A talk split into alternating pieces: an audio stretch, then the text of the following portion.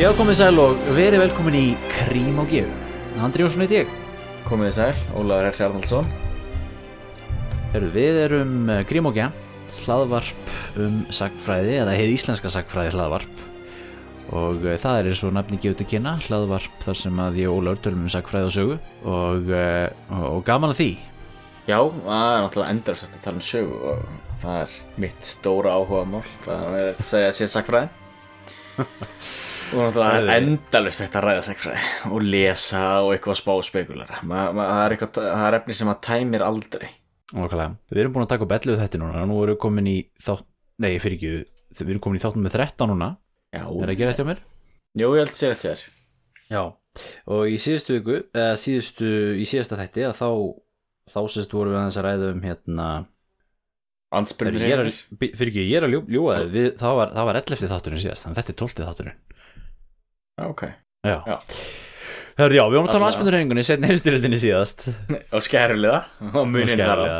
Já, og við vorum alltaf einhvern veginn að, þú veist, tala það, þú veist, að, að það, það væri svo mikið sem að maður geti rætt um hérna og þú veist, að við ættum að halda áfram að tala meira um setni heimstyrildin og svona, en við ákvaðum nú að fara aðeins samt svona aðeins aftur í tíman Mhm. aðeins aftur í tíman og uh, hvað ætlum við að tala um í dag? Já, uh, miðaldir Það er svona Já, að ræða, ræða um miðaldir en mér langaði mikið til þess að uh, ræða kannski fyrst og fremst þetta hugtak miðaldir og vega svolítið að svona fordómum í kringum miðaldir og þessa sín sem við höfum á miðaldir þessa sín sem er í rauninu ráðandi því að hún er svo misvísandi. Já, þannig að það er kannski svolítið það sem ég mér langaði mest til þess að já, hafa líka áherslu og taka hans upp núna og, og ræða. Einmitt. Já, miðaldur er náttúrulega uh, hefur haft svolítið svona í, í popkúltúr þá hefur miðaldur, miðaldur haft svolítið svona neikvætt yfirbræði við sér. Og hann tala Eða um hérna myrk, myrku miðaldir og, og hérna það tala um, um sjúkdóma og trúarofstæki og það tala um uh, um stríð og pyntingar og, og alls konar Mm. og alls konar. Já En það sem er svo sérstæði, svo varst að tala um þetta í hérna, popculture uh, til dæmis bara Pulp Fiction Mm. þegar að hérna, þá til dæmis notaði orðið medieval að, í mjög svo mitt neikvæðum neikvæðum merkingu þar sem eitt gaurinn ætlar sér að go all medieval og, og á þá við hann bara virkilega mörk einhvern annan gaur. Fyrir þá sem á séð myndina þá ég auðvitað hvað atrið er að tala um það er Já, já. freka, freka gróft atrið Hver hefur ekki séð Pulp Fiction sant? Já, nákvæmlega, allir að sé það. Gekkið mynd. Já, En algjörlega, þú sér þetta og einmitt svo myrkum miðaldir og, og ég held að að margir, veist, þú fer að tala eitthvað um miðaldir þá held ég að sé oft að þessu fólk dettur í hug, það er eitthvað einmitt eins og varst inn á trúarostæki og, og svona ah, rosa fátakt og sjúkdómar og blóðtökur og eitthvað svona, eitthvað villumennska já Og náttúrulega líka bara svona andupplýsing. Menn, menn það sem svona tímabil það sem að þú veist það sem að hindur vitni og, og þú veist rökhyggja ríkti ekki og, svo, og, og, og þar fram til göttunum Já, og hérna náttúrulega hugtakið þetta þetta verður til hann að er alltaf búið til af upplýsingamönnum með endurreisnamönnum já, á 18. öld uh, 17. öld eitthvað svo leiðis þegar menn er að byrja að skipta já er ekki enduristamenn á 15. öld Jú, þeir eru reyndar alveg fyrir sko þeir eru reyndar alveg fyrir sko. En hérna, og þegar þeir eru að búa til þetta eh, nútíman, þetta hugtak. Já. Og þá náttúrulega er auðvitað vísun í uh, vísun í já, millibils ástand Já, og þrískiptingu. Það þú veist með fornöld, miðaldir og, og, og nútíma. Og hérna þetta er alls ekkit svona þú veist, þetta er frekar venjulegt að skipta hlutum í þrend þú veist, Já. það er ekki þú veist, allt er þegar þrend er og, og einhvern veginn og líka bara, þú veist, svona þessi bókmentafræðilega svona þú veist, upphaf miðbygg, end, niðurlag eða þannig sko, þetta er svona fyrir þann sem er að skrifa söguna á, átjándu öld það er kannski eðlilegt að hann líti á söguna sem eitthvað svona upphaf miðbygg enda Já, þetta er alltaf situr rosalega djúft í hérna indoeuróskum þjóðum, þessi þrískipting. En það George Dumas-Sill náttúrulega mm, skrifaði mikið um þetta og gert uh, og rannsakaði þetta mikið. Og sér þetta líka allir eins í hérna Norröndin góða fræði, Óðinn, Víl og Vje þeir eru þrýr sem eru þetta að skapa jörðina og, og þú ert með endal svona svona þrenningar. Og svo hann ertu með þrenning, þrenninguna í kristindónum líka þannig Jú, jú, hinn heilaga þrenning. Nákvæmlega, Nákvæmlega. þrýr er, er allstaðar og er, er mjög mikilvægt tala í já, okkar menningu.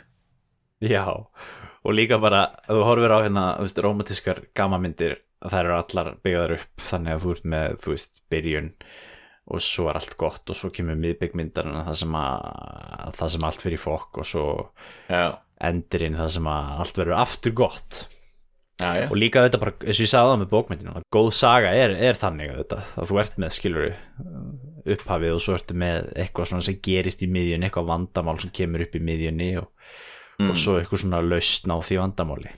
En nú eru komin kannski út í eitthvað, eitthvað svona eitthvað sálma aðra en, en, en tímabilaskiptingi sjálf. Uh, þetta er auðvitað þessu vorum að segja vísun í Sessat Fornöld að um, endurreistum menn náttúrulega litið svo á að, að Sessat Fornöld hefði verið glæst og, og frábær og, og hérna og uh, svo hefði allt fallið í, í glemsku og uh, mannkynnið hafi, hafi hrapað niður í niður í uh, hringiðu uh, myrkurs og, og fávísis. Mm, og svo þegar að sem sagt endurreisnin kemur fram og upplýsingin og þá byrja menn aftur að, að endur uppgötva klassíkina og, og, það kemur auðvitað fram eins og, og endurreisnin uh, á Ítalíu og alltaf er, er svolítið svona og, já, er það ekki endur uppgötun á, á rómuskum listastíl og, og rítum og, og hugmyndum og, bókmyndum og, hérna alls konar svo leiðis já, algjörlega og, og eins náttúrulega bara er þrískipting og þessi hugtökn náttúrulega sýnir það líka að þessir endaristar menn líti á sig sem arftaka veist, það er líka hluti af því sem þeir voru að gera með því að byrja að tala um miðaldir þeir eru að reyna að íta þessari sögu til hliðar og vilja fara bara beint í antikina og líta á sig sem sko einhvers konar hvað segja, arftaka antikinar Já, það er líka Já, hluti að þessu og kemur mjög stert og þá afneita þá uh, já því sem miðald, miðaldir höfða áorkað. Já, og þá kannski verður til þessi þessi mýta um hennar myrku miðaldir. Já, það verður það. Sem að situr Og fast í hérna- okkur og, og situr ennþá í okkur auðvitað enn þann dag í dag.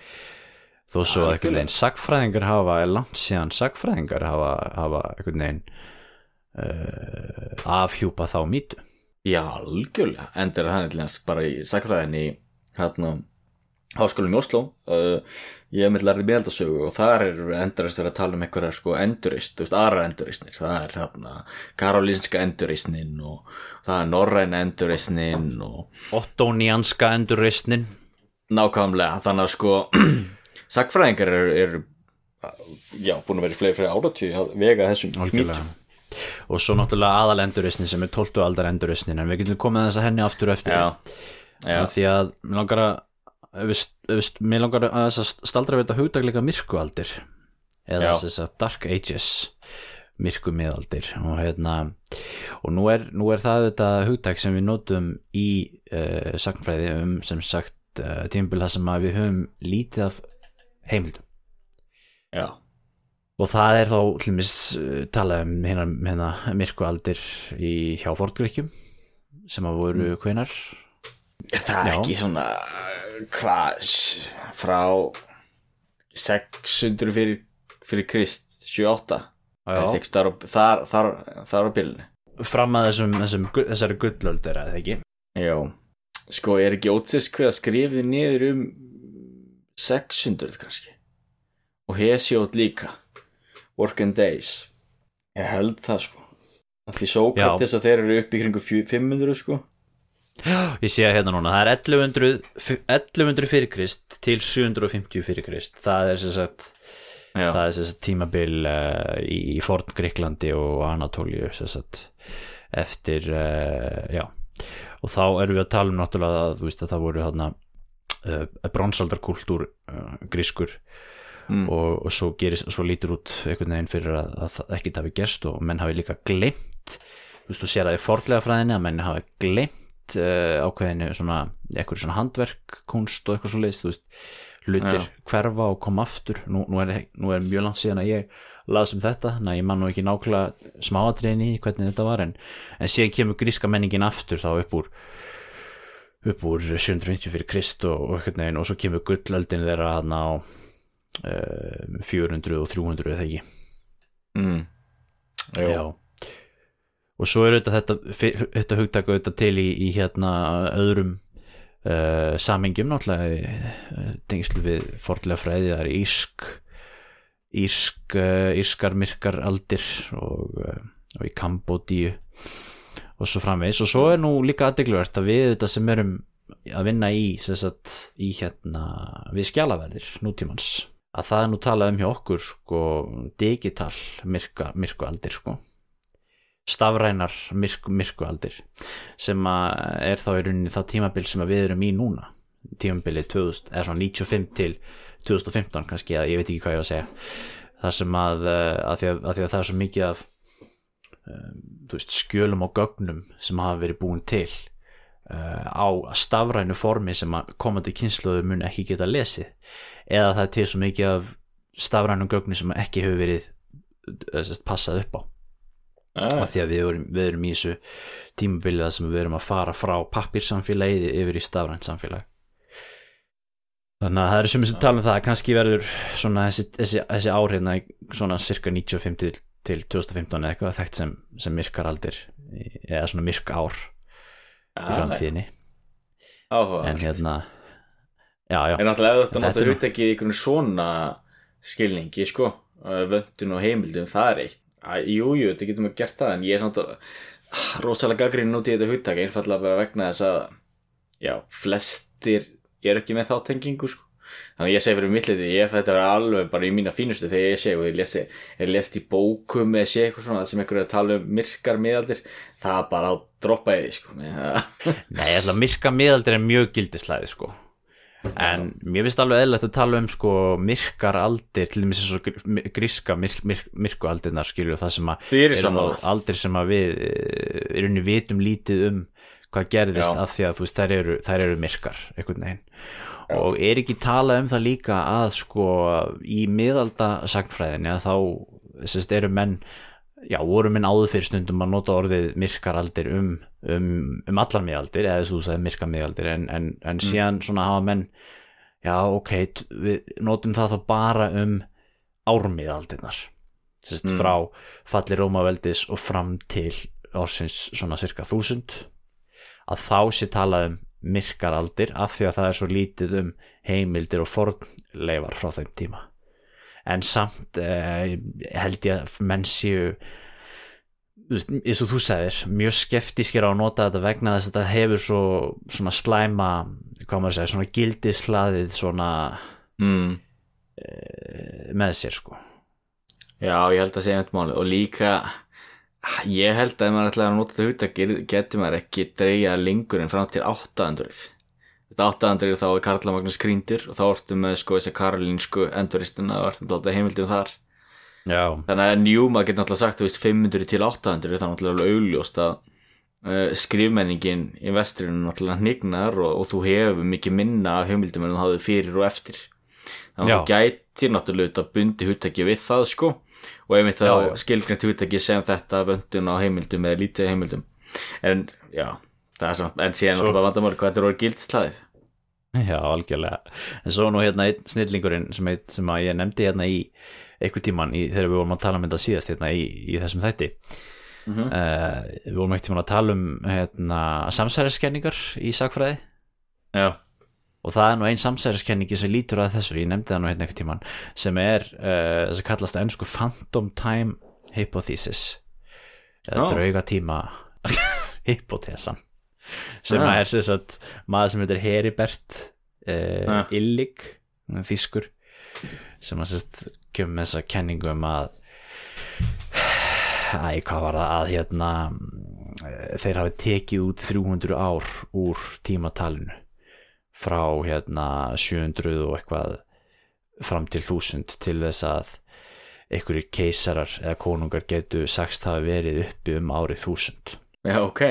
Já það er, það er Otto þriðji og Silvester annar pái Mhm. mögulega Konstantín sjöundi Bísans keisar að þeir hafi átt að sérst, búa til þetta, þetta stóra samsæri til þess að, eh, að hérna að, að sérst, legitimisera eh, kröfu Otto um hérna, til krúnunar á heilur um þessu krúnunar Mm. og hérna og þá er rauninni allt Karla Magnús að tímabilið bara fabrikasjón og svo, Já, og, svo, og, svo, og, og í alveg það er fólk sem er að halda þessu fram og fyrst Ja. hefur, þessi kenning hún hefur fengið sko, hún hefur fengið uh, fyrst uh, sko aðtegli Já. og, og það er til mér þá nótar hann þess að röka að það séu lítið um heimildur og lítið um fordlefar frá þessu tíumbili og þess vegna hafi þetta verið. Uh, og ég fór inn á hann ég var eitthvað að googla bara þetta, þetta fyrirbæri Dark Ages. Bara núna Ja. þegar vorum að undirbúku fyrir hann þátt. Og ég verði alveg búin að gleyma þessari samsæriskenningu af því ég, ég sé við töluðum um þetta hérna í krímókjöfu fyrir ári síðan eða eitthvað sko Já. og hérna svo var ég eitthvað að googla Dark Ages og þá kemur bara eitthvað grein um þetta það sem Já, einhver, er að skrifa um þetta einhver svona nötter sko En þetta er sjálfsögðu verið sjálfsögðu náttúrulega fráleitt og hérna það já. fara meir út, nánar út í það en, en enga á síður um, eitthvað er það minna af heimildum og fordlefum frá þessu tíma já, já, og, og, algjörlega þú varst, þetta. og, þú, og þú varst inn á því að það eru þetta minni skrifmenning og, og það er svona minni borgar þess að þetta verður svolítið svona decentralisering. Er það ekki? það er um það sem að gerist jú, og mikið af þessum borgum uh, voru einfallega bara yfirgefnar. Já, þannig að það var alltaf á þetta stað sko hnignun í, í þeim skilningi við lítum á hnignun sem afturfarir í verslun og framleiðslu og svona já uh, stöðu fólks í samfélaginu. Uh, þá það sem að samfélagi raun og veru erði fátekara það, það er alveg Já. á kristaltæri.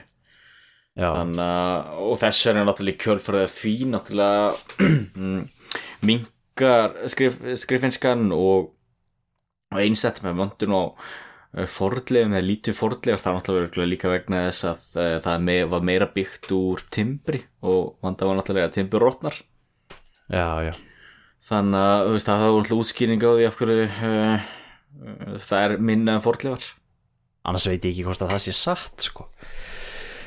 Hvað? ég, nei hvort að það hafi verið minni fordlega frá þessum tíma Já, ég, ég veit það ekki. Jú, ég myndi nú Því ég meina- það Því að samfélagi sem er það minka svona Því að náttúrulega er ekki fólksfækkun líka.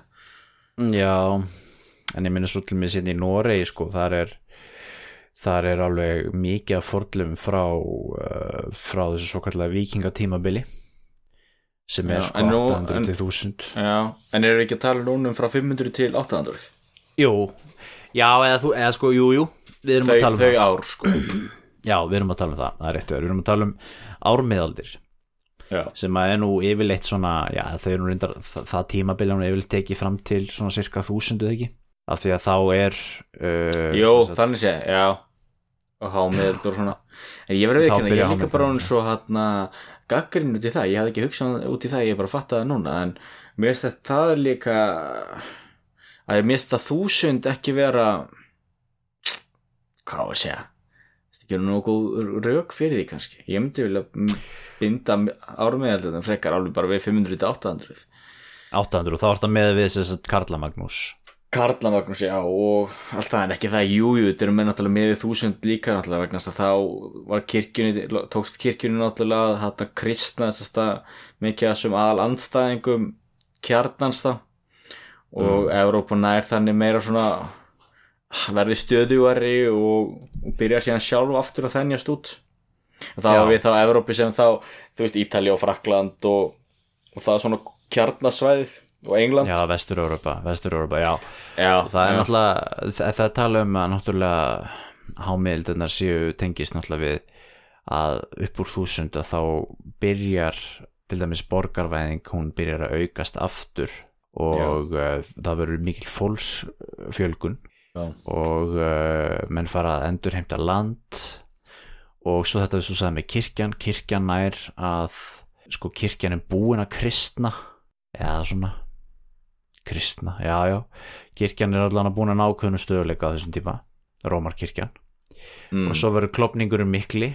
Tó- 1054 var ekki? Það sem austur og Mm, vestur kirkjan klopna endarlega Já, og uh, og svo einhvern veginn svo 12. aldar endurreisnin og 12. öld og, og, hérna, og, og já, ekki minnst bara stöðugleiki að það var búið að vera svo mikill óstöðugleiki einhvern veginn í það voru fólksflutningar og, og það voru um, já, það verður svona stöðuleiki og ríkin sem eru búin að setjast upp aðna, þú veist, Frakland, England og þessi, þessi, þessi lönda þau, þau fara svolítið svona stabilisera sig, er það ekki rétt um mér jú, algjörlega og eins náttúrulega uh, uh, Víkingarnir náttúrulega og, og Víkingaöldin var náttúrulega mjög neikvæð fyrir með þetta kjarnansvæði og Mm. hann, ég meit, er ekki síðasti Víkingakonungunum fellur, það er hann hvernig þetta alveg úr mér sem fellur í orðstöðum við Stamford Bridge er ekki 1065 eða eitthvað þegar að Vilhjálmur Bastarður Eh, 1066 10, já, tí, já, hann er 1066 en eða Orstone Stanford Bridge er hún 1066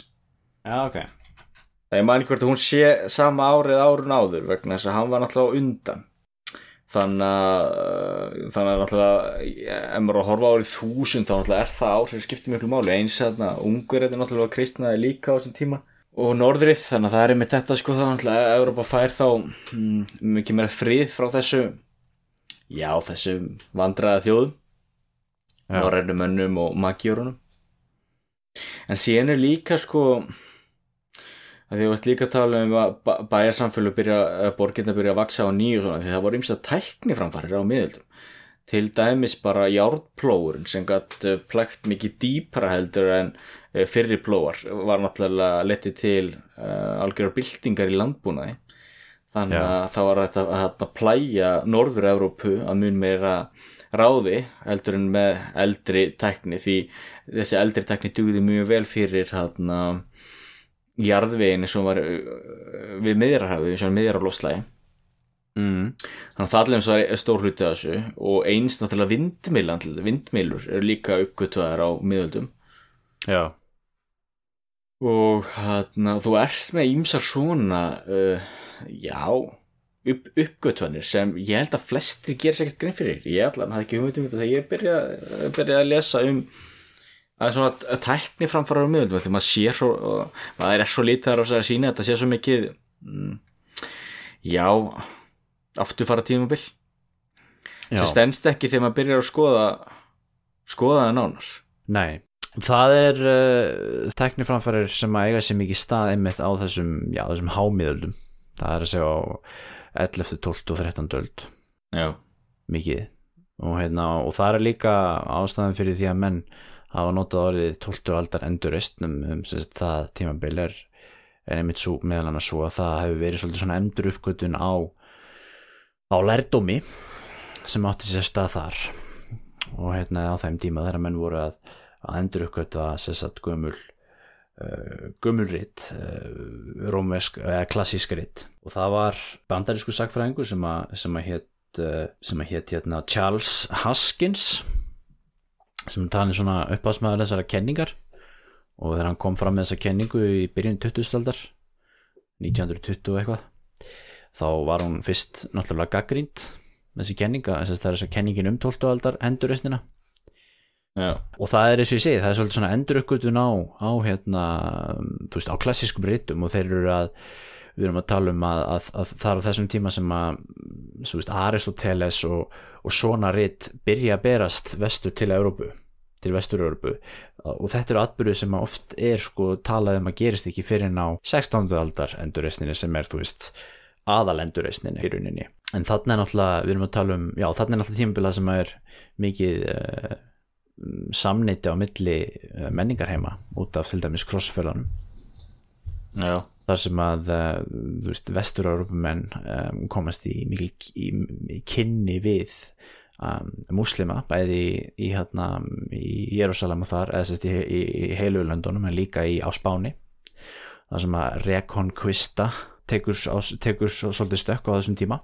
Og, hérna, og svo ekst náttúrulega samband við uh, Bísanska ríkið og hans í tengslu við hérna krossvarinnar og þá einhvern veginn og það, menn hafa talað um að, þetta, að þaðan berist þessi gamlu ritt og svo stopna, eru stopnaðir háskólar út um alla Európa á þessum tíma.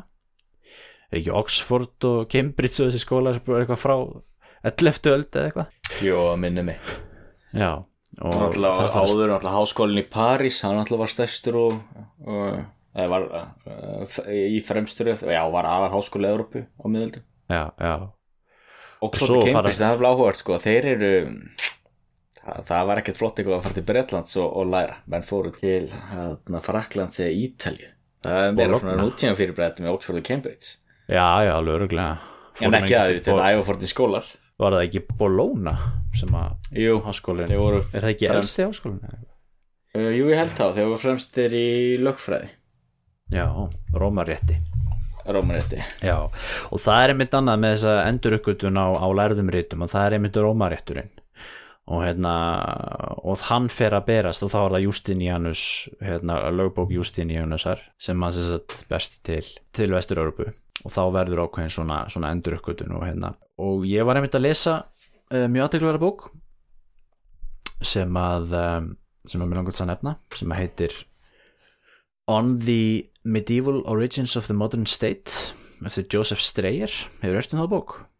Jó, ég lesi hérna Já, þú hefur lesið hennar sjálfsög Hún, hún var hérna námsöfni þrántemi Já, var það þar sem ég Já, já, já, já.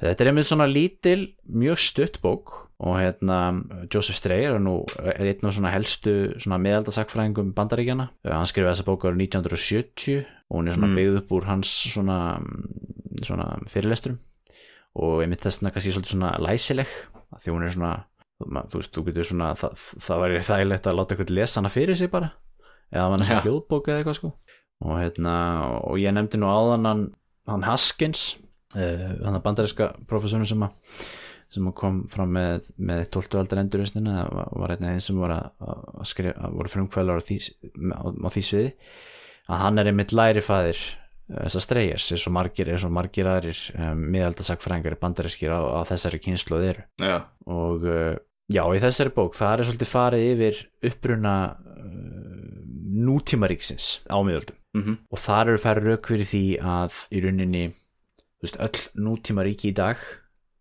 að þau eiga uppruna sinn í þessum miðaldaríkjum sem verða til í, í Evrópu, það er að segja England, Frakland uh, Spán ekkur leiti uh, Norður Ítalía og Þískaland sem að verða til einmitt á þessu tímabili hvað, 1000-1300 já, á miðöldum. Og síðan er það í rauninni þessi ríki þau harna síðan og, og stopnana væðast á, á nýjöld og, og, og önnur lönd taka einhvern veginn upp veist, að þetta er módel fyrir önnur lönd í Evrópu. Og síðan að sjálfsögðu með nýlöndutímanum og þá er þetta exporterað út. Og í rauninni það er svona ríkja system sem við erum með í dag hvernig ríki eru byggð upp í dag með, með þú veist þjóðhefðingja og þú veist ríkistjórn og, og þú veist með einhvern veginn svona 197 þjóðríki sko. Þetta á allt rætur sínur þarna í, í sem sagt, þessum miðaldaríkjum sem verða til í Evrópu.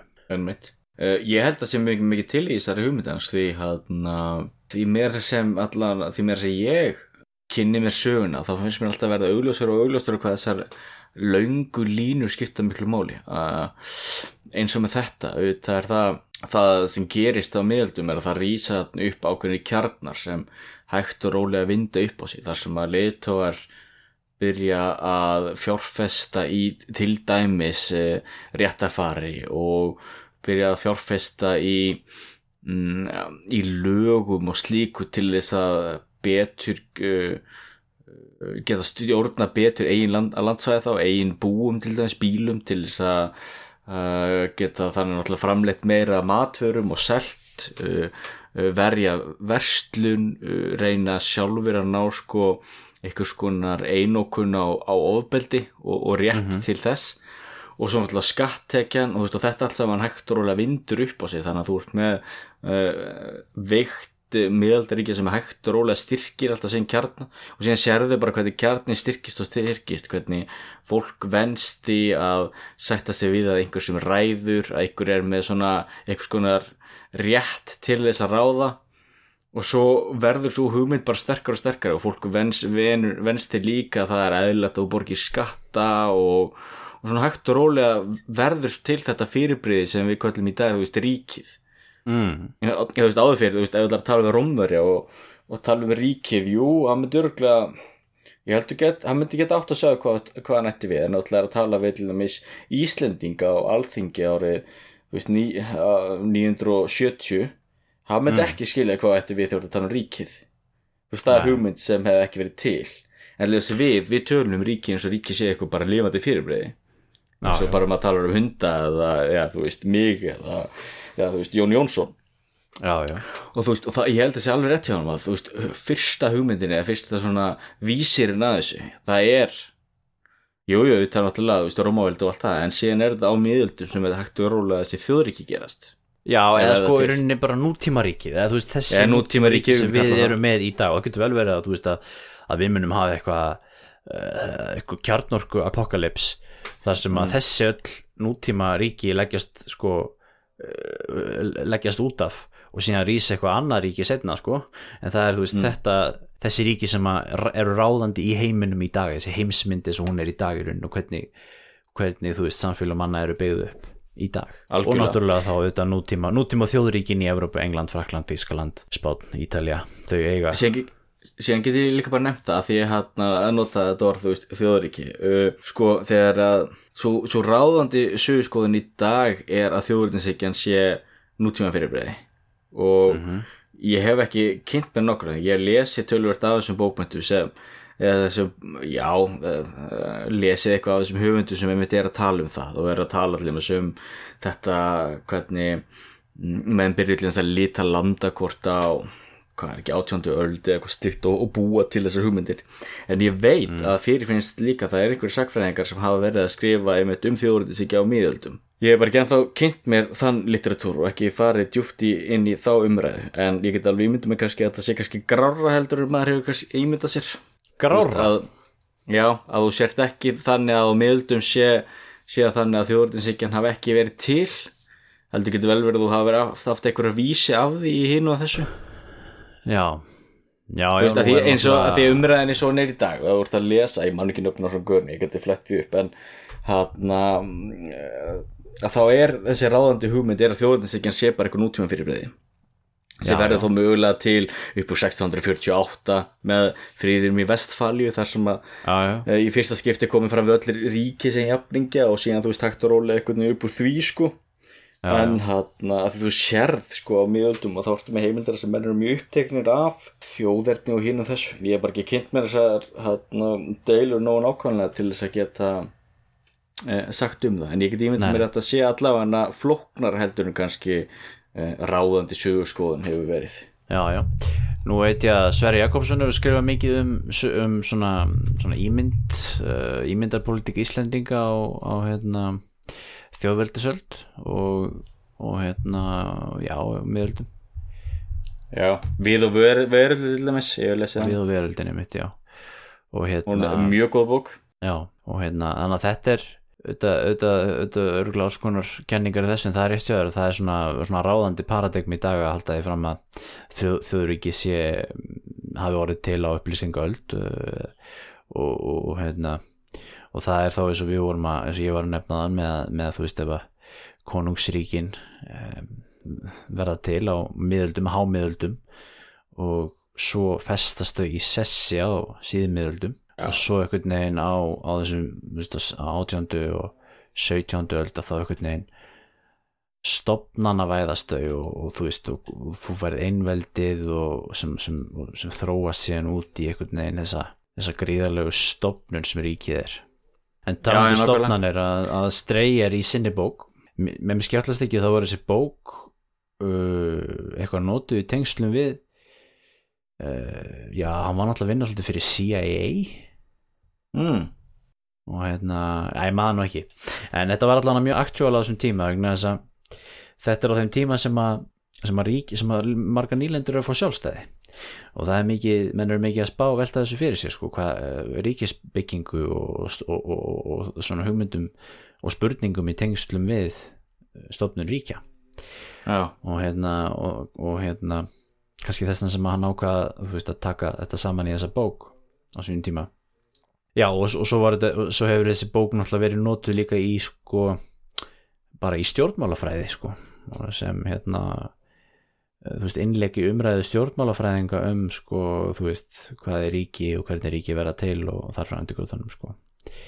Já, já, Já, en hann talar um það í sinni bók að, að það séu okkur hluti sem þurfa að vera til stað til þess að, ríkin þróist eins og þau gerðu þarna í England og Frakland og fyrst, fyrst og fremst England og Frakland og svo, og svo önnur lönd sem voru svolítið svona tóku Frakland svolítið að, að fyrirmynd vegna þess að þar aðstæður sem að voru þar voru meira auðveldur hægt að heimfæra þær yfir og önnur lönd á meðan aðstæðunir í Englandi voru mjög sérstakar. Þar varstu náttúrulega með eigu og þú varst með uh, þú veist, mjög lítið land og þú varst með mjög veika yfirstjætt uh, og í rauninni svolítið tölvist öðruvísi að, aðstæður heldur en voru Fraklandi það sem varst með mjög sterka svona baróna og, og hérna sterkan lokalisma og, og náttúrulega land landamæri við önnu ríki og svo framvis alls konar svona hluti sem að flækja máli þar en, en, en það er svona þessar stopnarnir sem að verða til.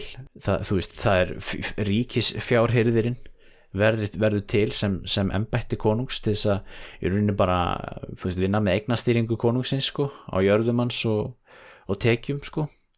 Og Já. úr því verður þá í rauninni skrifstofa með, með, með, með þú veist starfsfólki sem er þá grunnurinn að í rauninni sko fjármála fjármála ráðuniti nútímas hefði verið að koma svo orði og svo ertu með önnur embætti svo hérna já þú ert með domstólana mm, domstólarnir verða til og þeir eru náttúrulega mjög mikilvægt verk, verkfæri fyrir konungin og, og þú veist konungsriki til þess að til þess að, til svona legitimisera sig og uh, konungurinn og hans heyrð uh, fellir, fellir dóma.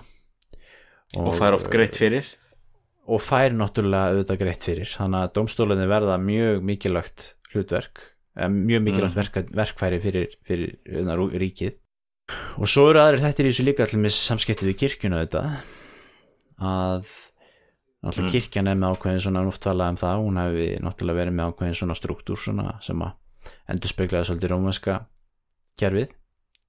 Já, og það er náttúrulega kirkjan sem er aðal fyrirmyndin í þessu því það voru þeir sem best varðveittu arfleigð uh, Rómaveldis í vestrinu þarna og voru náttúrulega með langu uh, best mentuðu mennina þannig að mikið af kirkjuna mönnu voru þá líka í þjónustu um, verallega leitó og náttúrulega stjórnsýslukerfi kirkjunar var náttúrulega það uh, fremsta í, í Vestur-Európu og svo náttúrulega vann náttúrulega kirkja og verðalegt vald mjög náið saman. Náttúrulega bæði hafðu hagsmunni á því. Til dæmis bara karolinska ættin til dæmis uh, sem tók við af uh, mervikingunum þeir uh, komist einfallega til valda miklu leiti út af kárska kirkjunni. Þannig gáttu þeir sko réttlátt eh, réttlátt eigin valdatöku. Og þess vegna ertu Já. og það þú veist þessi sögulega hættum útskýringa á þessu þjætta samstarfi sko Fraklands og kárska kirkjunar frakkar hafa uh, mjög oft átti, hafa alltaf átt í sérstöku sambandi við kárska kirkjuna og oft litið á sem verndara kirkjunar þrátt fyrir svona uh, vandamál inn á millin svo Napoleon og, og, og eitthvað slíkt. Já en það til dæmis að já þannig að, þannig að það er mjög, mjög áhvert líka og eins náttúrulega bara uh, ríkisvaldi eða styrking konungsvalds í Skandinavíu það er náttúrulega bara eitthvað sem, sem kemur að miklu leiti í kjölfar kristninar og konungarnir náttúrulega voru að reyna að, nýta kristindómen til þess að réttlæta eigin konungstæmi og byggja það upp og það ert náttúrulega með rosalega þjætt samstarf konungsvalds og kirkju já, og kirkja náttúrulega stiði konungur Svo- þess að kirkjan er háð friði til þess að geta starfað. Þannig að kirkjan náttúrulega vill frið fyrst og fremst. Já og svo, eru líka alls konar þreyfingar sem eiga sér stað á hámiðöldunum sem að uh, einhvern veginn er að gerast samtímis að kirkjan, Rómarkirkjan er og það er uh, það sem er svona einkennir þetta tímabyr svolítið er að Rómakirkjan er að, hérna, nær svona, svona hámarki valda sinna í þú veist kirkjuvaldstefnunni og þessari svo kvöldu Gregoriönsku siðbót sem á sér staðarna og hvenar er það 12. öld ekki er Mm. eitt hjá mér 13. öld mm, og hérna og þú ert með skrýðingardeiluna jú, jú og hérna og í þessum átökum milli ríkis og kirkju eða konungs og páfa eða hvernig maður á að orða það þá, og þá fær ríkið svolítið, svolítið svona löggildingu. Mm uh, því að meiri sér til dæmis eins og Streyja segir í, borgi, í bókinni sko, meiri sér sko, hörðustu hérna uh, kirkjuvaldsmenn eða það er að segja hérna í Gregoriansku uh, siðbútinni uh, að þeir viðkjöndu þó að sko ríkið ætti að sinna eða hvað maður segja leikmenn ættu að fara með eins og þú sagðir lög, lögvald eða hérna, hvað er orðið hérna fara með, Ég er löggæsluvald?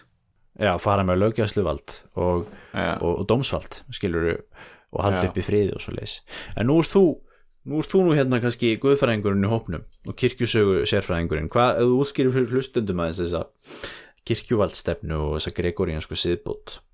Já. Uh, Fyrst þá hann að nefna þessi skrýðingardeila uh, hvað, hvað fólst í henni. Það er náttúrulega í, í stuttumóli sagt að hún fólst hún fyrst og hennst í því að menn voru að deila um það hver hefði rétt til þess að íklæða kirkjunar og menn þá uh, já, kublum sínum ef maður segir það svo. Þannig að þetta er bókstæla, þú veist, hver hefur rétt á að leggja skikkjuna eða ölbuna eða hvað það var á herðar biskupsins. það sem þetta þýðir á mannamáli er hver getur gert biskup að biskup. Já, já, hver, hver, hver fær rétt til að krína biskupin eða eins og að kallast skrýða biskupin jú, jú, algjörlega það sem það snýðast um uh, og náttúrulega það sem gerist er náttúrulega þegar kirkja náttúrulega verður svo rík að og kirkja náttúrulega vegna þess að þeir náttúrulega voru líka svo framarlega í stjórnsýslinu náttúrulega stjórniðu eigin löndum oft uh, á mun skilverkari hátteldur en aðrir. Já, þannig að þannig að það sem gerist er náttúrulega verður rosalega freistandi fyrir uh, konungsvaldið að reyna að grípa inn í og hann já, heimta skatta til þeimis af uh, löndum kirkjunar og þetta er náttúrulega er stóra deilumál í gegnum alla miðaldir. Þetta er eins og bara Íslandi, staðamálin. Það voru mik mikla deilur um hver ætti kirkjujarðinar já, og og einst þetta með sko, kirkjuna menn náttúrulega voru mjög uppteknir af því sko náttúrulega líka að reyna að styrkja kirkjuna. Það er náttúrulega það sem þetta snýst fyrst og fremst um þessar, þú veist, klúni klaustur í klúni og öllar þessar sko kirkju. Hvað svona betruna stefnur það er náttúrulega bara að vera að reyna að styrkja stjórnstísluna og stöðu kirkjunum í samfélaginu. Og við skulum ekkert, ekkert bara líta það sem eitthvað neikvæðan hlut því kirkja náttúrulega var aðal að, að mm, hvað að kalla velferðarstofnun síns tíma.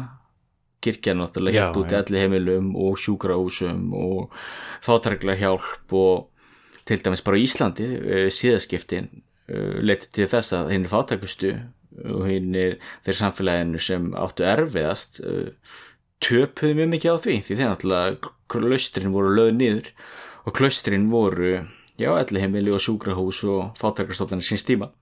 Mm. þannig að kirkja náttúrulega notaði mikið af þessum auði náttúrulega í þetta en ekki það, auðvitað notaði kirkja náttúrulega líka í sallvislur og, og Péturskirkjuna í Róm. Já, já Það voru aflátsbref sem að fjármagnuðu Péturskirkjunni yfir Róm, að það ekki? Jú, jú, að megninni til. Já, þannig að en nei, ekki Það það voru syndgarar. það og, og, og hórdómsmenn sem að fjármagnuðu hana í rauninni. Já, já, það er eins með niðurstómin Það voru hérna í og hórkallar sem borguðu hérna fyrir domkirkjunni í þrjóntemi og það, það finna við þetta þetta er ekki einu svona íkjur því mikið peningur til dæmis fyrir hérna niðurstómin domkirkjunni í þrjóntemi þetta voru sko sektir sem einmitt bara drikkju, drikkjumenn og hórkallar voru að borgreiða til kirkjunar fyrir þá síðferðisbrot Já, og þessi peningur voru þá notaði síðan að byggja kirkjuna. Það er mitt Og svo sluppuðu við að brenna í helvíti. Já, jú, já, já. stittu dvöl sína í hreinsunaröldum Já, já, en, en hérna, já, þetta er, þetta er hérna, gáðan að þessi skrýðingadeilu, hún alltaf fór þannig að uh, var það ekki kirkjan rauninni vann skrýðingadeiluna svona uh, svona í, í svona short term en svona Mm. langtíma áhrifin voru svona þau að, að hérna ríkið eða konungsvaldið fekk, fekk mikla staðfestingu svolítið á, á sínu svona valdi eða ekki og, og þú veist og svona löggildingu í augum þegnana og Já, ég, ég held sjálfur rétt að maður getur alveg sagt það því til dæmis breyta við hvað eh, er ekki einhverjum sem friðrikum sem til dæmis eh, keisari hins heila rómarska keisaradæmis þýskra þjóðar þurfti að uh, skrýða berfættur í, í bara einföldum kubli að höll páans og hann um fyrirgefningu. Emmitt, þeir Þannig sko sýnir, á þetta voru nokkri keisarar þarna þetta voru nokkri keisarar og nokkri páar sem að stóði þetta voru aðalega þessi Gregorius hvað, sjöundi og Hinrik þriðji eða eitthvað. Eh, sem var svona þessi aðal aðal leikandur í þessari sögu þarna og, og þá, þá var einmitt held ég þannig eins og þú segir já að þa þar var kirkjan uh, algjörlega yfir og hann þurfti að skrýða þessu og sagði og hann þurfti að býða fyrir utan kirkjuna líka. Eða býða Já. fyrir utan höllina í rigningu ykkur marga daga eftir að páinn kom út og, og veitt honum eða fyrirgefningu, að því hann varð Já, að já. fyrirgefa honum var það ekki? Jú, það var hlutið að þessi, hann var það Var það ekki fyrirgefa en þannig? páin gæti ekki neita að fyrirgefa. Nei, ef hann, ef hann kom og yðraðist sko, þá var það fyrirgefn Það leta hanga út í þrjá daga eða eitthvað. Já, uh, og svo, svo voru aðri keisar sko, sem að komu og veist og, og, með her og, yfirbuðu páan og það ekki Jú, þú ert alltaf með allan allan ganga á sem til dæmis einn öflugasti pái það var Innocentius þriði hann er hvað páfi já hann frá 1198 til 1216 Já, þannig að svona, jú, kring í, í 1200 þannig að það sýnir svolítið hversu stert uh, mikið vald kirkjunar er ennþá á þeim tíma. Síðan er þetta líka náttúrulega mism fyrir þetta líka bara eftir mönnum sko, hæfileikum þeirra eins og gerir með ríki. Þú veist hversu hæfileika lík, ríkur er stjórnandinn já, já, en það er nú samt svolítið svona grundvöldurinn í öllar, allar þessari umræðu um ríkismyndunin og hvað þú veist ríkismyndunin er.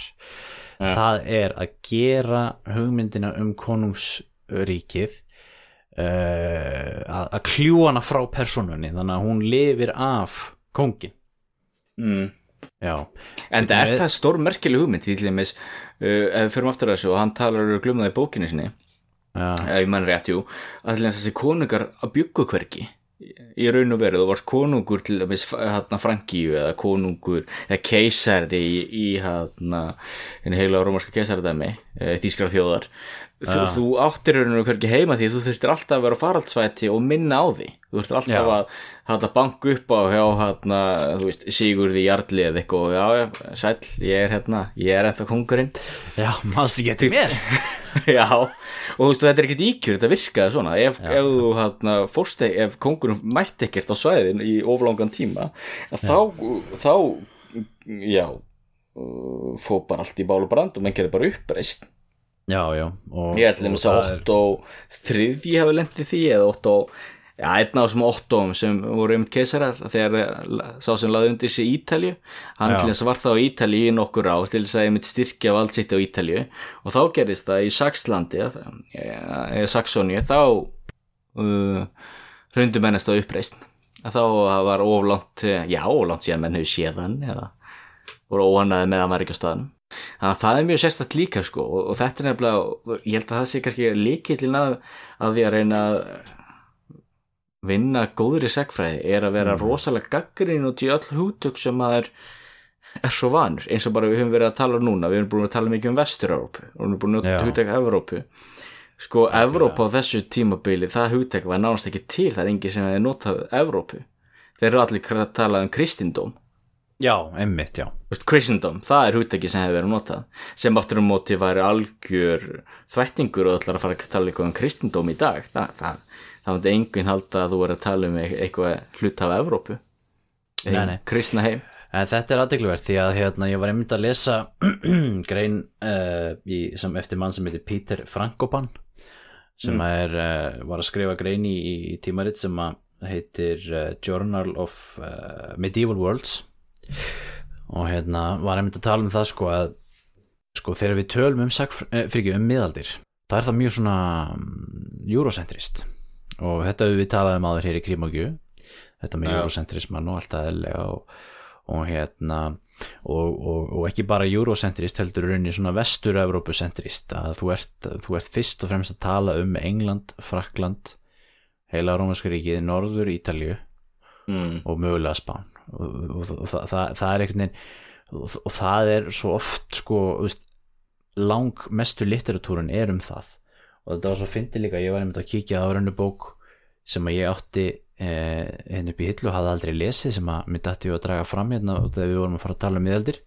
sem að sem heitir Europe in the High Middle Ages eftir John Mundy Mm. og, og, og í inganginum byrjar hann á því að segja sko bara já það er nú leiðilegt að ég get ekki talað um að hér í þessari bók verður eiginlega ekkert talað um múslima, það verður eiginlega ekkert talað um Byzantium, það verður og, og, og, og Skandinavíu og, og eiginlega ekkert um Östur-Európu, það er bara þessi helstu lönd og aðalega er það bara sem maður getur ekki talað um allt. Samt heitir bókin Europe in the High Middle Ages og Ja. hérna og þá var einmitt það sem að þessi gaur var að skrifa sér í grein hann sem ég var að ræða um, um, hérna, um eurocentrisman að þú veist að, að þetta virðist vera svolítið lenskan í miðaldafræðum að það er fókus á þessu lönd Mm. og það þarf ekki að vera svo leis því að við þetta höfum fullt af heimildum um, um, um önnurlönd Mm og, og þetta er líka eitt af því sem hann hann streyir hefur verið gaggrindu fyrir og, og hérna í mynd- bókinni sem við vorum að nefnum á,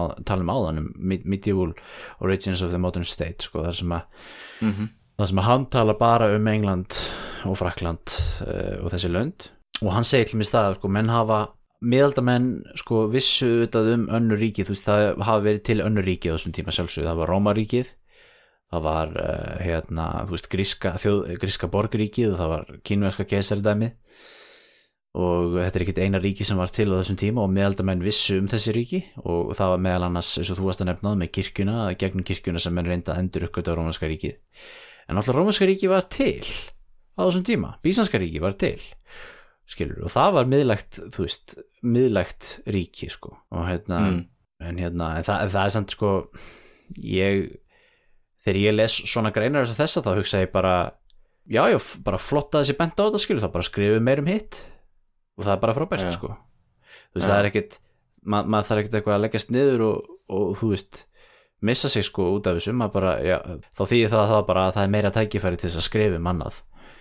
En ég held samt að já, En síðan er líka bara þannig að það er ástæða fyrir því okkur Eurocentrismin er er einmitt það, það er náttúrulega bara vegna þess að nútíminn eins og hann er, er afleiðing uh, uh, Európaþjóða, það er náttúrulega Európaþjóðir sem gerðu, sem byggu til nútíman og það er náttúrulega eru mótastólparnir England og Frakland og Þískaland en, Já, hana, en, en, en það er líka góða punktur þetta, um, að við erum búin að tala um það eins og Rómaveldi hafi fallið og síðan byrja ykkur miðaldir.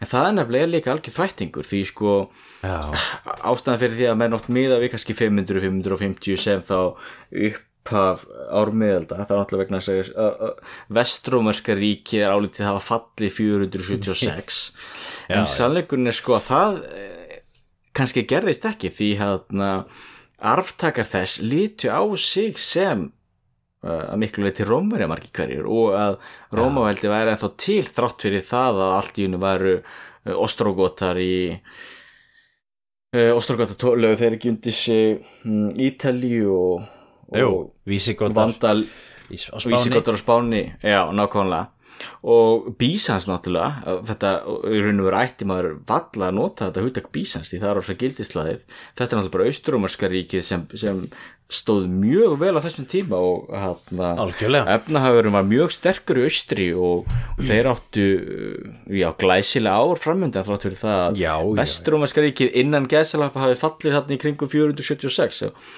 og eins það að þetta fólk gríkirni líti á sig sem rómverja þá íbúar. Konstantinópelar og austur ríkisins algjörlega. og það er með sér gott að með að, að, bara, já, eitt þetta bísans hugtak, þetta er líka sko hugtak sem var búið til af enduristnamörm ef ég mann rétt sem í neikvæðum tilgangi. Já, rétt eins og miðaldir. Já, mjög góð punktur mjög góð punktur. Og, og náttúrulega bísansmenn náttúrulega töluðu um sig sem rómverja bara alveg fram til 1453 já, og, og tyrkinni mér svo kvöldu rómara algjörlega. Og hérna og það er nú skemmtileg saga sem að ég veit nú ekki hvort er sönn. En það var einhver einhver maður sem að, ég man nú ekki hver hvort það var sagfræðingur eða hver sem var að segja frá því að hann fættist á, á eiginni Lesbos. Mm. uh, var þar ungu maður uh, eða fyrir ekki var þar barn. Uh, svona kringum 1900 og hvena var það þeirra var þetta ekki hérna í uppúr í lóks fyrir heimstyrildar þegar Mhm. þegar að hérna grikkir hernámu hluta af Anatolíu? Já, og var ekki eftir hann að grisk-tyrknisku stríði 1921 töklis já, þá komu grískir hermenn og hernumdu eigina Lesbos. Og hérna og þá sérst voru krakkarnir hérna að leika sér og þeim var sagt að þarna væri komnir sko og þá notuður orðið sko Helene eða sérst hellenskir eða grískir eins og við kallum grískir, grískir hermenn að okkur bara eigina og svo voru krakkarnir eitthvað að leika sér hérna í kringum þessa, þessa hérna, þau voru náttúrulega gríkir krakkarnir notabenni, þó þau byggju í því sem hefði verið ottoman veldi. Og hérna þeir eru að leika sér hérna í kringum, kringum hérna hermenna og, og svo segja hermenni hvað eru þið að hlæja krakkar? Og krakkarnir segja já, við erum að hlæja ykkur hellenunum eða gríkjónum segja þeir. Og þá segja, segja hermennir hvað, já, en þið eru gríkki líka? Og þá segja krakkarnir nei, við erum rómverjar. Já, já. en ég segi ekki hvort þetta sé satt eða logið en, en hérna, en þetta er ákveðin svona punktur í þessu að þú veist að þeir líti á sig sem rómverja og þú segir að Tyrki líti á sig sem rómverja en mér finnst nú samt heppilegt ég hef nú sjálfur alltaf notað auðvitað ekki bísaskríkið því mér finnst það heppilegt að mér finnst heppilegt að aðgreina það. Að, en, en ég veit að ég man nú til mig sett þegar ég var í háskólanum að þá satt ég kurs hjá Emmitt Sverri Jakobsinni, vorum að nefna hann áðan sem hétt Emmitt Östunúska ríkið og var um Bísanska ríkið, þetta bara allt frá veist, allt fram til 1453 og þá, þá notaði hann Emmitt hugtæki Östunúska ríkið eh, til þess að þú veist, hafna þessari þessari sögurskonu sem þú vorst að nefna áðan gengið út frá já, já. og svo hef ég líka verið að hlusta á podcast um Bísanska ríkið og höfundur þess er í auknum mæli farin að tala alltaf bara um þú veist, hann tala mjög oft bara um Rómverja sko, kallar það bara Rómverja sko. já, og, og það er þá einmitt gert þá líka í svona ákveðinu svona mótmæla skinni við þessa, þessa sögurskoðun sko. já. mm. en síðan aftur á móti æ, en bara að reyna að vera að sangja líka þá náttúrulega er náttúrulega eiga, sér þó það mikla breytingar náttúrulega á þessu austrúmarska ríki þú veist, þegar verði kristið og, og gríska verður aðaltungumál ekki latína. Þá er þetta alltaf öðruvísi. Algjörlega en og líka þess að nota ég líka bísans en mér finnst kannski sýta mestumáli ok, þú, getur nota hugtæki veit ég kannski segja en, en þá verður maður að gera sér grein fyrir sko eh, takmörk, eða annmörkum þess og hversu gildislaðið það er. Og mér finnst það ekki verið jafn gildislaðið og myrku miðall til dæmis nei, nei. en svo þetta sem þú varst inn á áðan að þarna miðaldir fjall Vesturlómska ríki fjall 476 og þá segjum við hér er tímabila skipting mm. um, meðan hérna, Östurlómska ríki þetta helt bara áfram það er líka þetta svona að því að Östurlómska ríkið eða Bísanska ríkið af því að það hvarf úr sögunni 1453 Mm. og af því að það var andstæðingur vestursins hugmyndafræðilegur andstæðingur vestursins á tímum, þú veist, klopningsins skilur og, og, og, við, og ég hef talað um áður hérna þegar við vorum að tala um austur og vestur og, þú veist, klopning veginn í, þú veist Aust- austur-Európa, vestur-Európa, þú veist, þessir og það, það er, þú veist, það er líka þessi, þessi, þessi trúalegi, skilur, austurkirkjan, vesturkirkjan og þetta þessi og af því að þeir eru sko þeir skilur, þeir eru ekki við fattar og síðan af því að ríkið hverfur þarna 1453, þá er svo létt að gleyma þeim já, já, já og svo einhvern veginn og þá einhvern veginn það hjálpa til við að þú veist að, að miðaldasagan er, svona, er svo eurocentrisk sko. og sjálfsögðu náttúrulega líka muslimar og arabar sem Mm. náttúrulega einmitt, fara svona í bakgrunnin svolítið í þessari, í þessari sögu þegar við erum að tala um miðaldindar en náttúrulega það er ekki þar með sagt að, að þegar ég fyrir ekki bara svo ég klára þetta, Mhm. það er ekki þar með sagt Nei. auðvitað að sko auðvitað er skrifaður hellingur um Austunóska ríkið eða Bísanska ríkið og um uh, miðaldasögu Skandinavíu Suður Ítalíu uh, og, og sjálfsögðu Araba og veist, Kalifana og þú veist sögu Íslam, þú veist, auðvitað til hellingslittur út úr um þetta en það er Mm. bara kannski gaggrinni felst í því þegar menn er að skrifa eitthvað sem heitir miðaldasaga eða, tíma, eða búið til tímabil út frá veist, fyrir, inn, fyrir tí- miðaldir og, veist, og innan, innan í miðaldum skilur svo ármiðaldur þetta að þá gleyma menn stundum eða setja þessi, þessa hina aðila í bakgrunnin Já, já, algjörlega. Og svo náttúrulega líka hluti þessi við náttúrulega svo litu af þessum stór þjóðum til dæmis bara, þú veist, hversu margar uh, miðaldamindir þar sem England er að berjast höfum við séð þú veist, ég, Já, ég bara, það- bara núna um daginn var ég að horfa á nýja mynd það, þú veist, um Henry er ekki Henry fjórði sem hann sem núna á Netflix. Já, Netflix, já, einmitt. Þú veist, þá náttúrulega bara vegna þess að hinn ennskumælandi heimur og náttúrulega fyrst og fremst að leggja áslá á þetta þú, á meðan að uh, þú veist að þess vegna sem erum- ég veit ekki, ég hef aldrei heyrt um myndliðan sem er 30 árstriðið, það heldur vel vera sem Nei. til ykkur þýskar bjómyndur um það, ég veit það ekki. Já, erðu, og líka bara hvaða myndir eru til um Bísanskaríkið Já, nákvæmlega, ég hef aldrei pælt í því en það er geggjaða punktur þér. Ég, ég, ég, ég, ég sveimi þó ef ég bara fullir það ekki hérna, það sé bara til sko, hlustundu getur þá að leiðrið með ef ég fer með nátt mál en, en þú veist, sveimi þá að það er ekki til ykkur ógæsla léleg tyrknesk hérna, mynd um fall Konstantinopel Já, sem er náttúrulega fyrst og fremst bara ykkur, ykkur áróður um já, já, og svo, og, og svo kannski mögulega þú veist, ykkurar gamla myndir hérna um sem, sem gerast eiginlega um þú veist, á rómartímanum sko mögulega en Já, Akkur ekki til hennar myndir um Bísanska ríkið sko, en þú veist, það er eins og þú segir til hellinga myndum um hérna evróska miðaldir eða vesturróska miðaldir fyrir ekki já, já, já, já, algjörlega. En, þa en þetta, er, þetta er auðvitað tungumálið þess að þú varst að segja með enskuna. Já, og þetta er náttúrulega lítar af eigin, hvað var að segja, eigin kontekst, þú veist, ef Íslendingar til dæmis, ef við værum Rís, ef við værum 100 miljónum manna þjóð, þá náttúrulega værum endar stjórglega, hversu margar myndir til dæmis um upp úr Íslendingasögum væri búið að gera?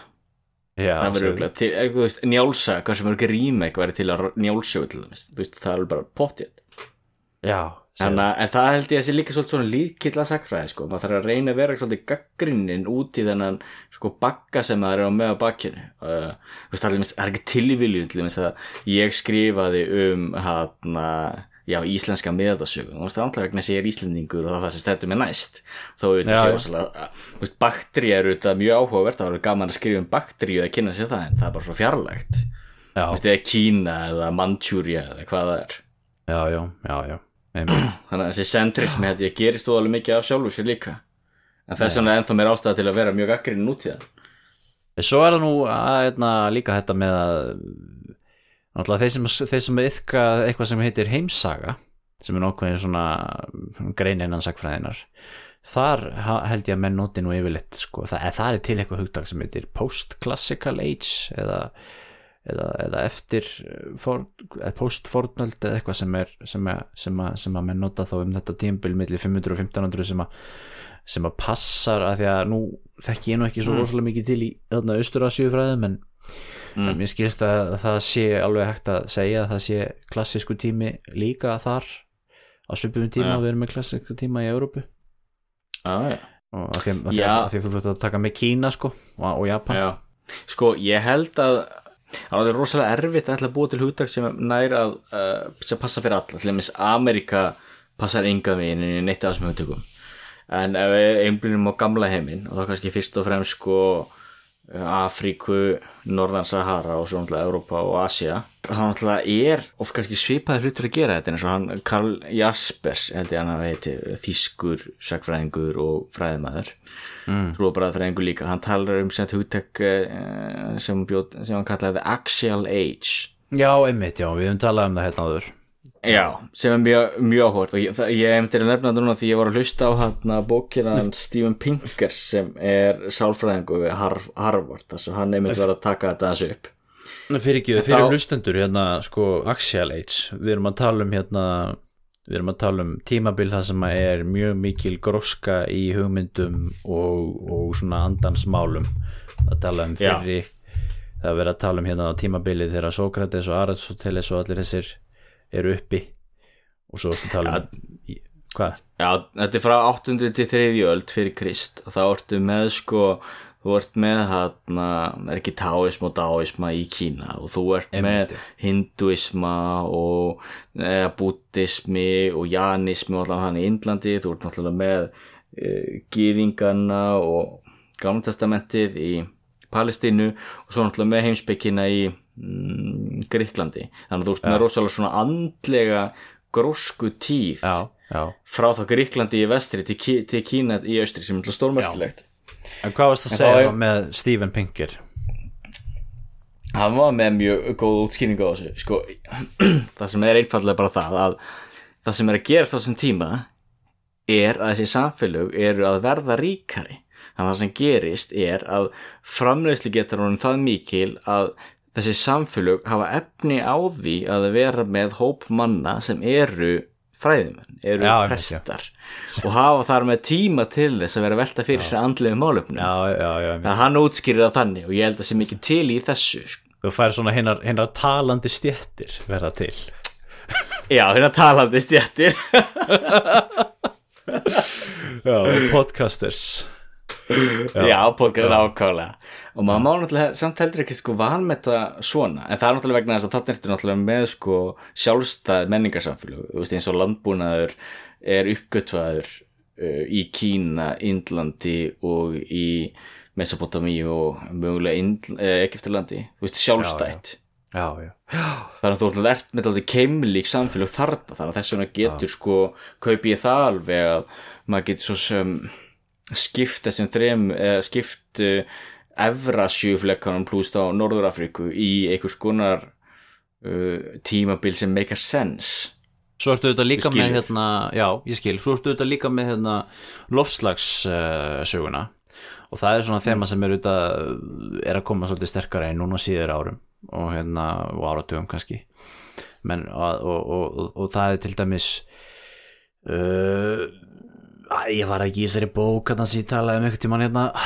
Uh, hérna sem að var að bera saman austri og vestri að Kína og og þá varum við að tala um þú veist að það eru það lofslag, veist, lofslagsbreytingar og, og þú veist og svona náttúrubreytingar sem að, sem að gera það verkum að þú veist að, að, að það, að sem hafa áhrif bæði í Kína og í Európu Já. og mjög aðtilvægt þetta þú veist að nefna þetta þegar fólk verður ríkar þá fer það að hugsa þá verður, þá verður hérna, framþróun og það, þá ef við förum aftur til hérna 12. aldar endurreisnarinnar til dæmis að það ertu með sko akkurat samtímis sem það verður framþróun í Vestur-Európa á þeim tíma borgavæðing, fólksfjölgun uh, tækni, nýjungar þú veist, nýjungar í, í hérna andlegum málum og allt þetta að þá er líka mm. hita tímabil sko veist, það er þessi þetta, hérna, mi- miðalda hita tímabil sem að er frá hvað þúsund til 1300 eða eitthvað svo leis Já. og, og, og í rauninni er ekki líka gullöld rómverja sem er sem er hérna 200 fyrir krist til 500 eftir kristi eitthvað, það er líka eitthvað, eitthvað sem heitir rómveska heitatímabilið og Já. svo, og svo, og svo færðu náttúrulega litlu ísölduna og þá hérna, leggjast af siglingan til Grænlands og allt þetta sem við höfum talað um hér að við höfum náttúrulega líka talað um það að, að, að, að það hefur nú kannski kannski, ó, kannski ósangjant að segja að það hefur verið hnignun á tímum litlu ísaldarinnar en það er nú önnur saga en, Mhm. en hérna en þetta er veist, já það er svona lofslagssaga og veist alls konar hlutir sem að sem að menn þurfa að taka með í reikningin þegar maður er að ta tala um veist, heimsug Já, alltaf sínur er nú bara hvað það er veru fló hvað það er, þú veist, flókið og stort vandamál að reyna að útskýra söguna og reyna að auðla sem bestan skilning á henni. Mm. af því að þú ert að tala um svo rosalega marga breytur og svo margi þættir sem hafa áhrif. Einmitt. Og þess vegna held ég að skipti líka svo miklu máli við að líta á sko sögu, þessa sögulegu framvindu sem eitthvað sko sem gerist hægt og rólega. Til þess að ef við förum bara aftur til miðalda við lítum á þessi sjálfsæðan hlut að þegar þú skrifar þá skiptir þá, þá ertu með bíl og milli orða og þallum með er miðalda uppfinning að hafa bíl og milli orða. Rómverið skrifuð bara með hástöfum í einni bíðu og já. lásu upp átt til dæmis það að lesa í hljóði það er líka ok, það er ekki miðaldi uppfinning þegar mann byrjuði á því svona kringum held ég mm, 350-400 en fyrir það var bara að lesa upp átt já, já þannig að sko nema upplesaðin kannski lasi hljóði þegar hann var að æfa sig undirbúa sig fyrir upplestur. Ekki einu sinni því þegar menn voru einir þá lási þeir samt upp átt já, ok. Já, það er bara stórum merkilegt, en allavegna þannig að sko, þess vegna skiptum miklu vonum með sagfræðina á tímum hérna Rómbaveldis að þetta þurfti að hljóma vel. Þess vegna var alltaf með melskulistina því það var enginn sem lasi hljóði nei, nei. það var alltaf að lesa upp átt en allavega, það er alveg bara letri sem við notum í dag. Þetta er hluti af þessari karolínsku endurreistninni já, já. Þessi er skipting, eh, orðaskipting og líka bara þetta Carolingian Minuscule sem er Mm. fontin sem er ráðandi í dag. Þetta, hann á sín, sín upptök þarna. Já, já. Þá nýjöndu, áttundi, nýjöndu Þú og Já. þarna er með svo mörg svona dæmi. Eða allir eins bara vísindabildingin sem, sem kemur náttúrulega mikið setna Þú forsendur hennar eru náttúrulega lagðar á miðöldum. Þar sem til dæmis þú ert- ert með skólaspekina sem er að það sem menn er að setjast niður og er að reyna, að reyna að berjast við og glíma við það að láta það opumberun og skinnsemi saminast þess að það sé ekki mótsögn já. og, og, og skólastefnan náttúrulega snýst mikið um það að vera skilgreina hugtök eins og bara við erum búin að tala um við, við erum búin að tala um það núna megnur sem þætti, eða stórn hluta þættinum það er farið það að tala um ykkur hugtök og, Já, og svona hvað leggum maður í hugtök og svona. Og þetta náttúrulega er alveg grundvallar atriðlans fyrir vísindi, þú veist, þú eru að skilgreina hvað áttu við þegar þú ert að tala um já, þú veist, fiskur til dæmis, þú getur ekki nota bara hugtöki fiskur í sjáalífræði, þú veist, það er það er nei. þýðir ekki neitt, þú verður að að fara einhvern veginn dýpara og, Já, já. og þetta er miklu leiti sko, ég held að sjá fyrstu skrefin í öllu þessu er í miðöldum, þessu vart með fræðum en á sko rosalega abstrakt leveli að ræða um flókin málefni sem síðan þú veist hægt og rólega uh, vindur upp á sig já.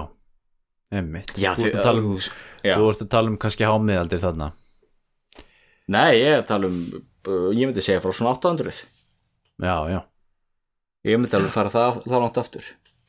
Já, algjörlega.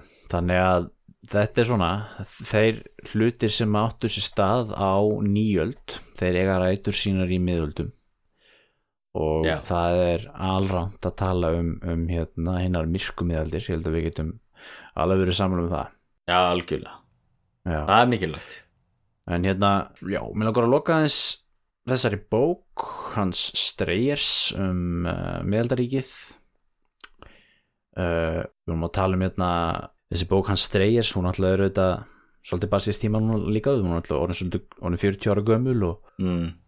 og hérna og er svolítið einkennandi kannski fyrir já, þetta er svona svolítið félagssöguleg nálgun sem er kannski svolítið svona í tísku segja svona miðbygg 2000-aldar og hérna og er þá þetta þú veist, svo kenning eða þær, fyrir ekki þær nálganir eru náttúrulega nýjar frá, þú veist, 19. aldar hugsunarhættinum, það sem var bara að tala um stórmenni og baróttu og, og, og hérna og orustur og eitthvað svo leið sko þannig að fyrir henni að koma með sko svona, þú veist, hvað maður er svona félagssögulegan vingi með fókus er á stopnanir og sósjál struktúra og svo leið sko en Mm. þetta er samt saga ofanfrá sko að því að þú veist hann talar um þú veist frumkvæðið er allt hjá konginum og barónunum og, og hérna og niður á við meðan ég held að kannski í dag að þá myndum enn kannski já þú veist líta á aðra þætti þú veist sem að menn kannski já svo kannski fólksfjölda svona demografískar heimildir uh, Já. menn myndu kannski líta á einmitt líka loftslagsmál, menn myndu líta á þú veist, já aðra hluti heldur en kannski akkurat þarna. En engu að síður og þá finnst mér þessi bók vera mjög skemmtileg lesning og, og mæli algjörlega með henni. Já, ég gerði það líka. Áhugaverð bók. Góða pælingar í henni. Já, góða bælingar í henni sko. og svo koma síðmiðaldirnar síðmiðaldirnar mm. nú erum við búin að tala, fókusum svolítið á ármiðaldir og, og hámiðaldir, svo er síðasta tímabili sem er síðmiðaldirnar, það er eftir 1300 Já, 1300 til 1500 og við hljóta nú að geta verið samanlega það að það er eðlilegt að setja punktarni í kringum 1500 vegna þess að þú ert náttúrulega með fund Ameríku, þú ert með fall Konstantinopel, ekki það að sá atbyrður hafi sjálfu sér verið eitthvað svakalegt svona end of an era eitthvað neginn en Nei, það er meira svona symbolist sko. Það sem að, veist, það sem að gamalt miðalda og fornaldar virki mm. fellur með hérna nútíma tekni sem er eh, sem er fallbissan sem á, eftir að einkenna næsta tímabil hára eftir. Já, og svo er það náttúrulega með síðaskiptin. Og svo eftir Klopning vestursins algjörlega. Og síðaskipti sem eru nú líka án og sinn þátt í ríkis í þú veist í já, móta ríkin og styrkja ríkin. Já, algjörlega. Og ég, ég, ég held því alveg heiklust fram að uh, síðaskiptin sé uh, mesti áhrifavaldur uh, nútímans það sem skipti mestu máli.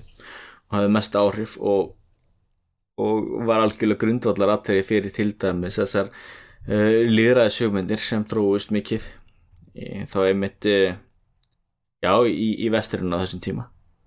Einfallega vegna sem, sem dæmi að þú ert þá með áherslu á það að fólk uh, geti lesið biblíuna sjálf og þegar fólk er orðið læst þá náttúrulega þartu, eða til þess að geta lesið biblíuna þartu náttúrulega að vera læst þannig að það er meira áherslu á mentun og þegar komið með uh, menta íbúa að þá náttúrulega er erfiður og erfiðar að halda þeim í einhverjum uh, fjötrum einveldis og slíkt. Já, já. Þannig að þú veist að þetta íti undir mm, líðræði setja mér já, setna mér þó auðvitað var það, var það hugmynd sem, sem tók langan tíma.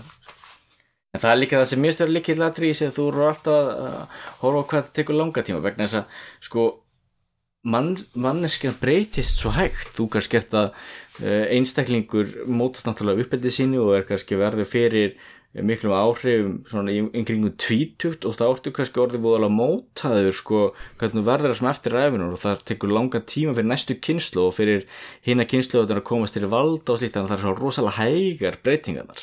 Já, já, já, en á sama tíma þá erum við samt þúsund ár eða eitthvað, tvö þúsund ár. Þetta er bara korn í tímaglasi eilíðarinnar.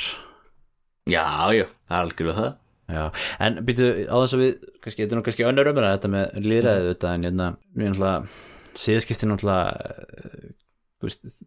það kemur fram í Þýskalandi skilur við og það er þessar germönsku þjóður sem að sem að taka það upp. Mm veist, það eru fyrst og fremst Þýskaland og Norðurlöndin og svo England eða Bretland náttúrulega mínus Írland en, en líðræði er það, myndir þú segja Þískaland og, Nor og Norrlundin og Bretland sé vakka líðræði, er, er það ekki frekar er ekki franskir hugsuður og eitthvað svo leis, eða er ég að rugla?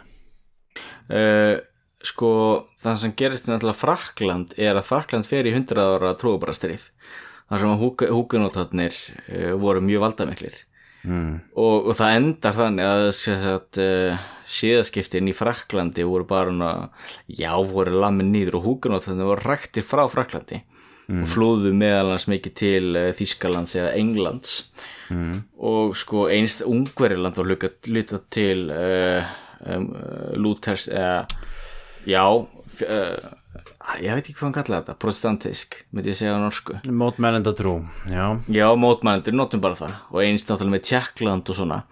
En það sem ég Já, þá og við það var náttúrulega svona counter. Það var andsiðbót í Tjekklandi var það ekki?